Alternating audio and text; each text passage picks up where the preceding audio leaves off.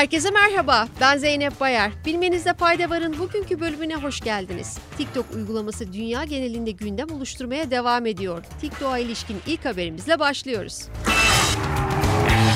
Beyaz Saray sözcüsü Karine Jean-Pierre, Çinli sosyal medya platformu TikTok ile ilgili Amerikalıların verilerini topladığı gerekçesiyle endişeli olduklarını ve uygulamanın ABD ulusal güvenliğine potansiyel tehdit oluşturabileceğini düşündüklerini söyledi.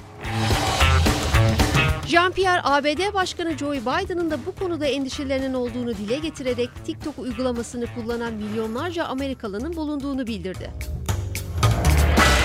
TikTok ile ilgili Hazine Bakanlığı'na bağlı Yabancı Yatırımcılar Komitesi'nin devam eden incelemesine işaret eden Jean-Pierre, TikTok'un ABD genelinde yasaklanıp yasaklanmayacağına ilişkin ise yorum yapmaktan kaçındı.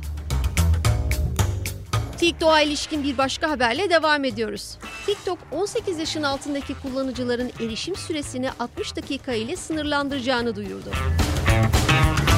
Şirket tarafından yapılan açıklamada kullanıcıların 13 yaşın altında olduğu hesaplarda ilk 60 dakikalık sınıra ulaşıldığında 30 dakikalık ekstra görüntüleme için bir velinin mevcut bir şifre belirlemesinin gerekeceği belirtildi.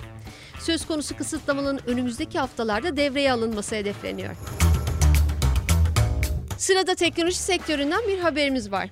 Dünya GSM Birliği'nin verilerine göre 5G teknolojisinin birçok ülkede devreye alınmasıyla birlikte 2025'e kadar 5G bağlantılarının sayısının ikiye katlanması bekleniyor. Verilerde ayrıca bu yıl 30'dan fazla ülkede yeni 5G ağlarının devreye alınacağı kaydedildi.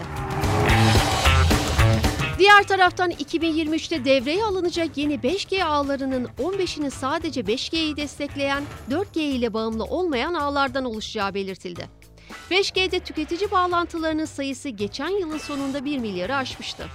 Bağlantıların bu yıl ise yaklaşık 1,5 milyara çıkacağı, 2025 sonunda ise 2 milyara ulaşacağı tahmin ediliyor. ABD Ulusal Çalışma İlişkileri Kurulu yargıcı, Starbucks'ın New York eyaletinde sendikalara karşı baskı kurarak 6 işçiyi yasa dışı bir şekilde işten çıkardığına karar verdi. Yargıç, firmanın Buffalo ve Rochester şehirlerindeki mağazalarında federal iş yasasının korkunç ve yargın şekilde ihlal edildiğini söyledi.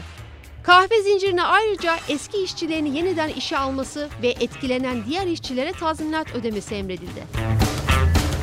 Avrupa'daki son dijitalleşme adımı ile bilmenizde fayda varı noktalıyoruz. Avrupa Birliği Komisyonu, birlik sınırları içinde araç sürücüleri için ehliyetlerin dijital hale getirilmesine yönelik bir teklif hazırladı. Buna göre dijital ehliyetler kullanıma girdiğinde bir mobil telefon veya diğer dijital cihazlardan erişilebilecek. Yapılan açıklamada dijital ehliyete geçiş için 4 yıllık bir sürenin öngörüldüğü, teklifin kabul edilmesinden sonraki 18 ay içinde ise dijitale geçiş kurallarının kabul edilmesinin hedeflendiği belirtildi. Bilmenizde fayda varın bugünkü bölümünün sonuna geldik. Yarın tekrar görüşmek üzere. Hoşçakalın.